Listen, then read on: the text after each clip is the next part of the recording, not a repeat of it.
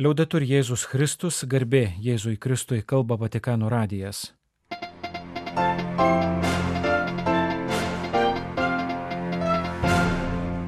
Malonus klausytojai šioje programoje. Jėzaus Krikšto sekmadienis Vatikane. Popiežius pakrikštijo keliolika naujagimių ir vadovavo iškilmės viešpatės angelo susitikimui Šventojo Petro aikštėje. Kvietė švęsti Krikšto dieną taip, kaip švenčiame gimtadienį. Venecijos muzikos bienaliai ieško naujų talentų. Kelių įvykių Lietuvoje apžvalga.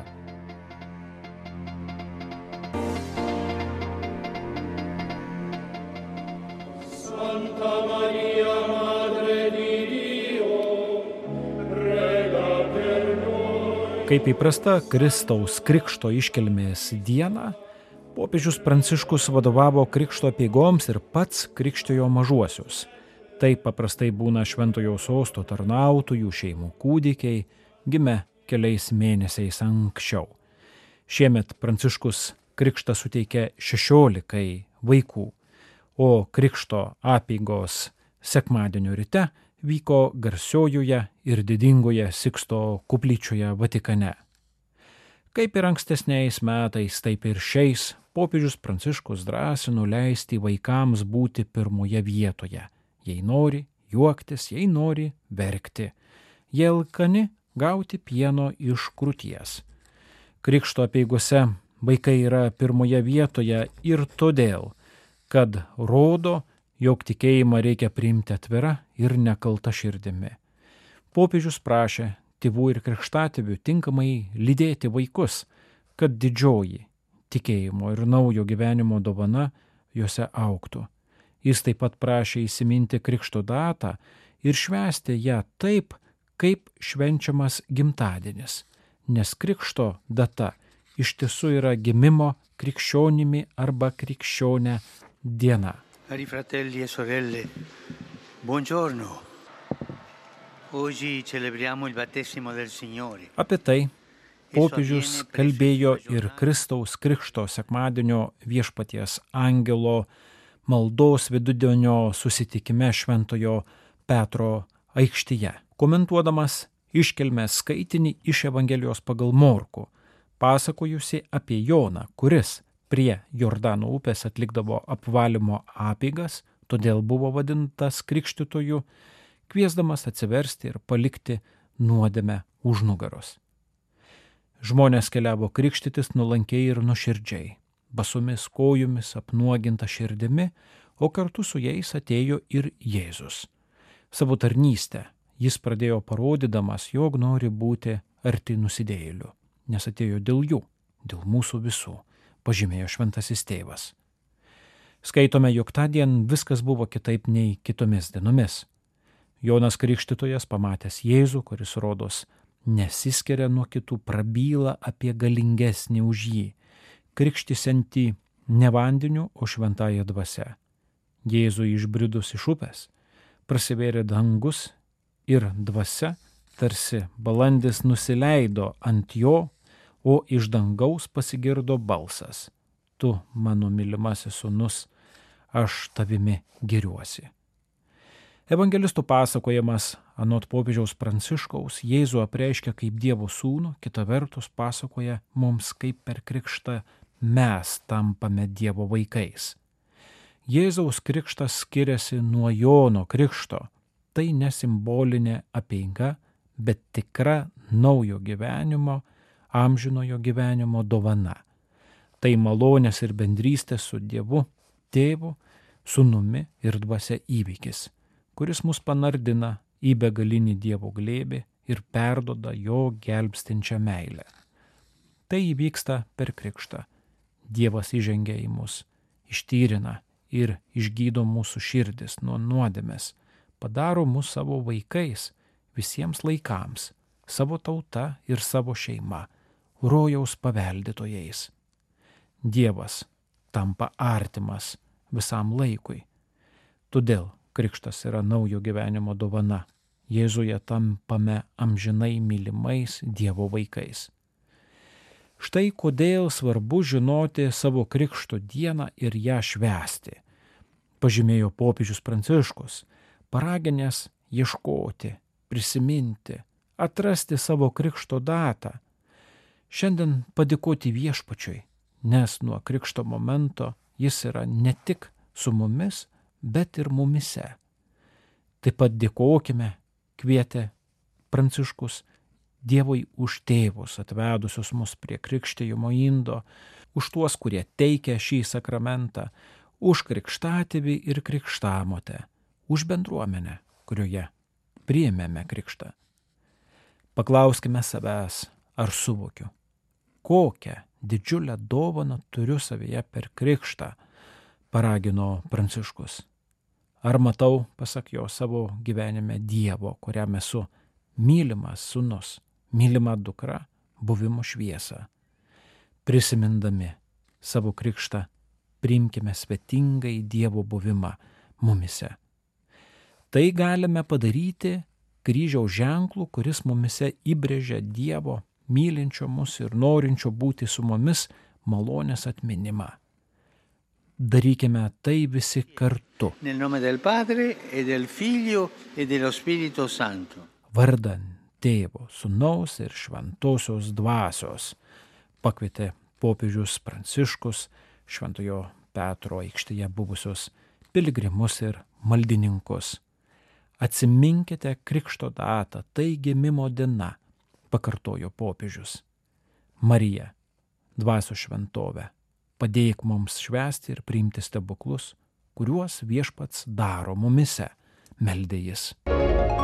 Sausio 7 po vidudienio maldos popiežius Pranciškus dar kartą pasveikino visus, kurie gavo krikšto dovaną, sveikino kalėdas švenčiančius rytų apieigų krikščionis, kalbėjo apie įkaitų krizę Kolumbijoje, kvietė ištvermingai melstį taikos Ukrainoje ir kitur, paminėjo nelaimę Konge. Viešpaties krikšto iškelmės dieną pakrikštė jau keletą naujagimių, melskimės už juos ir jų šeimas. Meldžiu ir už visus vaikus, kurie šiomis dienomis prieėmė šventąjį krikšto sakramentą, sakė šventasis tėvas. Pranciškus broliškai pasveikino tas rytų krikščionių bendruomenės, kurios laikosi senojo Julijaus kalendoriaus ir sausio 7 dieną šventė Kalėdas. Linkiu, kad viešpaties Jėzaus gimimo šventė jas pripildytų šviesos, meilės ir taikos. Kviečiu prisidėti prie mano maldos už besąlygišką visų šiuo metu Kolumbijoje pagruptų žmonių išlaisvinimą Tai pareiga prieš Dievą, kuri padės kurti susitaikymo ir taikos nuostatą šalyje, pasakė popiežius, užsimindamas apie pastarųjų savaičių darybas tarp Kolumbijos vyriausybės ir vienos iš sukilėlių bei kovotojų grupuotės, kuriai žmonių grubimas bei išpirkos už įkaitus yra finansavimo būdas. Popiežius Pranciškus Taip pat paminėjo gamtinės nelaimės pasiekmes Kongo demokratinėje respublikoje ir savo artumą nukentėjusiems. Stiprios liūtys sukėlė potvinius, kurie nuplovė žmonių namus. Pasak pranešimų, žuvusiųjų skaičių siekia ir viršyje 300. Ir prašau, toliau melskime už taiką. Už taiką Ukrainoje, Palestinoje, Izraelyje ir kitur pasaulyje, kvietė popiežius Pranciškus, kuris po to palinkėjo visiems gražios šventės, skanių pietų ir atsisveikino. Venecijos muzikos bienalės meno vadovė Lučija Ronketi pradėjo tarptautinę kampaniją, kurios metu bus atrinkti penki kompozitoriai ir šeši atlikėjai iki 30 metų amžiaus į tyrimų ir naujų kūrinių bei spektaklių kūrimo programą. Kartais koncertų salėse atsiranda tokių, kuriems atrodo per daug varginanti veikla perskaityti literatūrinę Franco Listo ar Ricardo Štrauso simfoninės poemos programą prieš dirigentui užlipant ant pakilos. Kiti nori, kad salėje būtų išjungtos šviesos, kad jie galėtų susikaupti. Net jei ruošiasi klausytis lyderio ciklo nepažįstama kalba ir renginio organizatoriai išleido autorinį vertimą, kurio niekas tamsoje negali perskaityti. Yra ir tokių, kurie ateina į operą nežinodami traviatos sužeto, o paskui skundžiasi, nes nesupranta žodžių. Šie klausytojai gali būti atmesti kaip nepataisomi tinginiai, tačiau iš tikrųjų, žinodami tai ar ne, jie atlieka labai svarbu estetinį pasirinkimą. Praktiškai jie sprendžia vieną iš klausimų, su kuriais vargsta filosofai ir poetai. Kaip daug geriau ir tiksliau paaiškina žymus vokiečių muzikologas Karlas Dalhausas, kurio mums taip trūksta nuo 1989-ųjų, tie, kuriems tekstas nerūpi, praktiškai sako, kad garsas kalba pats už save. Tiksliau jis nekalba, bet pasako. Tam tikrą prasme jis kreipiasi į tai, ką Wagneris pirmą kartą 1846 apibrėžė kaip absoliučią muziką kūrinius sukurtus nepriklausomai nuo bet kokio galimo nemuzikinio jų panaudojimo. Jeigu nekreipiame dėmesio į žodžių reikšmę, nes jų nesuprantame, tai susitelkėme į prasme, kurią muzika randa pati savaime, nesiremdama į jokią suprantamą kalbą. Žinoma, jei yra tekstas, paprastai tam yra priežastis, o ignoruoti ją tai praleisti dalį malonumo tačiau tai nesumenkina fakto, kad klausimas lieka atviras. Galbūt ir todėl kitoje Venecijos muzikos bienalėje bus kalbama apie absoliučią muziką. Tačiau meno vadovė Liučija Ronkėti neketina apsiriboti pristatant garsių, tarptautiniu mastu pripažintų meistrų nuomonės. Jie taip pat nori, kad šią temą apsvarstytų jaunimas iš viso pasaulio tikrai iš viso pasaulio, ne tik iš šalių, kurios turi lengvą ir greitą prieigą prie informacijos. Taigi ir prie galimybės dalyvauti konkursuose. Dėl šios priežasties ji pradėjo kampaniją, kad visur būtų žinoma. Bus atrinkti penki kompozitoriai ir šeši atlikėjai iki 30 metų amžiaus į rezidencijų tyrimų ir naujų kūrinių bei spektaklių kūrimo programą. Kūrinių premjeros vyks 2024 m. rugsėjo 26 spalio 10 dienomis vyksiančiame 68-ąjame tarptautiniame Venecijos bienalės šiuolaikinės muzikos festivalyje Absoliuti muzika. Projektai gyvendinti padės Bienalė koledžė muzika, kuri projektų autorių supažindina su tarptautiniu mastu pripažintais kuratoriais. Tai puikia galimybė jauniems talentams. Internetinis adresas, kur galima registruotis, paskelbtas mūsų svetainėje. Telšių viskupijos kurija šią savaitę pateikė pranešimą apie sausio antrą dieną Žemaičių kalvarijoje vykusius atlaidus. Šventosiuose mišiuose tikintieji draugė su Telšių vyskupu Algirdu Jurevičiumi ir plungės dekanato kunigais meldė pasauliui taikos ir ramybės. Homilijoje telšių vyskupas, komentuodamas skaitinį iš pirmojo Jono laiško, aptarė antikristo figūrą šventajame rašte ir šios temos aktualumą mūsų dienomis. Mes, palydėdami senuosius metus ir sutikdami naujuosius, linkėjome, kad ateinantys metai būtų geresni. Gal kiek jūs nuliūdinsiu, bet Biblija to mums nežada Jis sako, kad kuo toliau, tuo krikščionims pasaulyje bus sunkiau, nes prieš pasaulio pabaigą suaktyvės antikristo veikla. Pagrindinis antikristo tikslas - greuti Dievo tvarką. Tai vyksta per šeimos griovimą, per įvairias dorovinio gyvenimo laisvės, vietoj tikrojo tikėjimo siekama įbrukti kokį nors pigų pakaitalą, tikėjimą likimu, amuletais, talismanais, zodijakais ir taip toliau kalbėjo telšių vyskupas, įspėdamas ir dėl savotiško kulto susijusio su vadinamaisiais drakono metais. Algirdas Jurevičius ragino pasitikėti viešpačiu ir nepasiduoti piktojo suvedžiojimams, o įkvėpimo šiai kovai kvietė semtis iš krikščionių tradicijos perduodamo pasakojimo apie senąjį drakoną nugalėjusi Arkangelą Mykolą ar jėtimis Libina perverusi šventąjį Jurgį. Baigdamas homiliją vyskupas tikintiesiems pradėjusiems 2024 mūsų viešpaties Jėzaus Kristaus metus linkėjo sveikatos, ramybės, taikos ir aukščiausiojo palaimos, draugė melsdamas, kad mergelė Marija, kuri sutraiško drakoną, užtartų ir gintų mus nuo įvairių antikristų ir kitų neprietelių. Sausio mėnesio artumos numerio laišką skaitytojams žurnalo redaktorius Darius Chmieliauskas taip pat pradeda linkėdamas ramybės ir taikos. Šį palinkėjimą visų pirma skirdamas broliams ir seserims katalikams. Taikos ir ramybės poreikį šių dienų bažnyčioje atskleidžia toliau laiškė skaitytojams pateikiami klausimai, aktualūs visų Kristaus mokinių ir bičiulių sąžinės peržvalgai.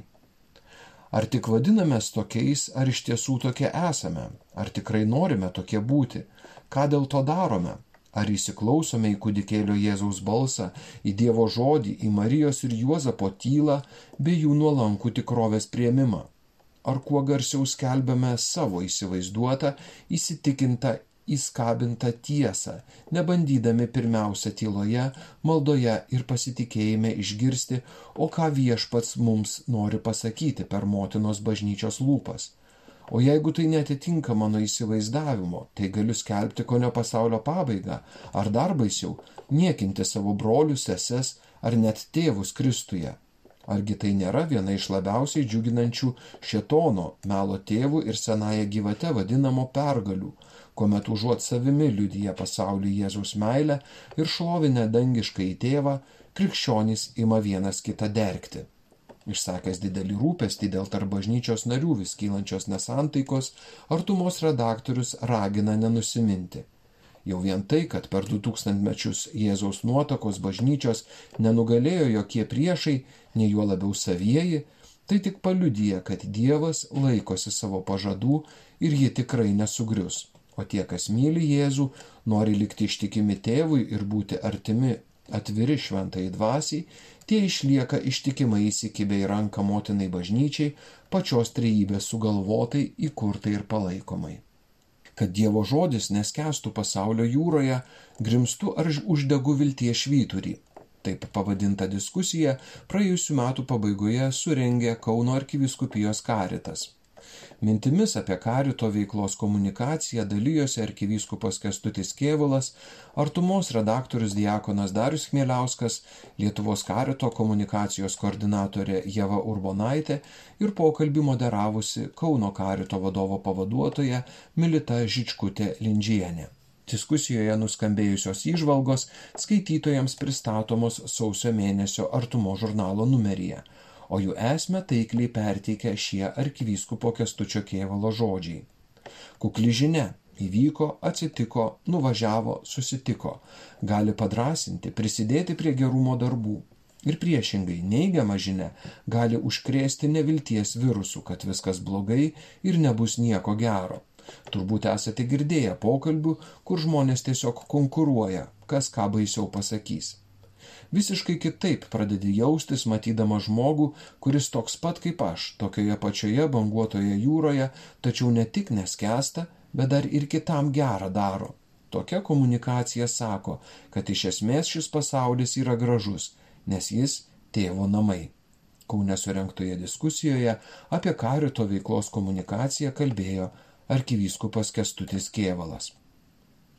Gedrius Tamaševičius, Vatikano radijai iš Vilniaus.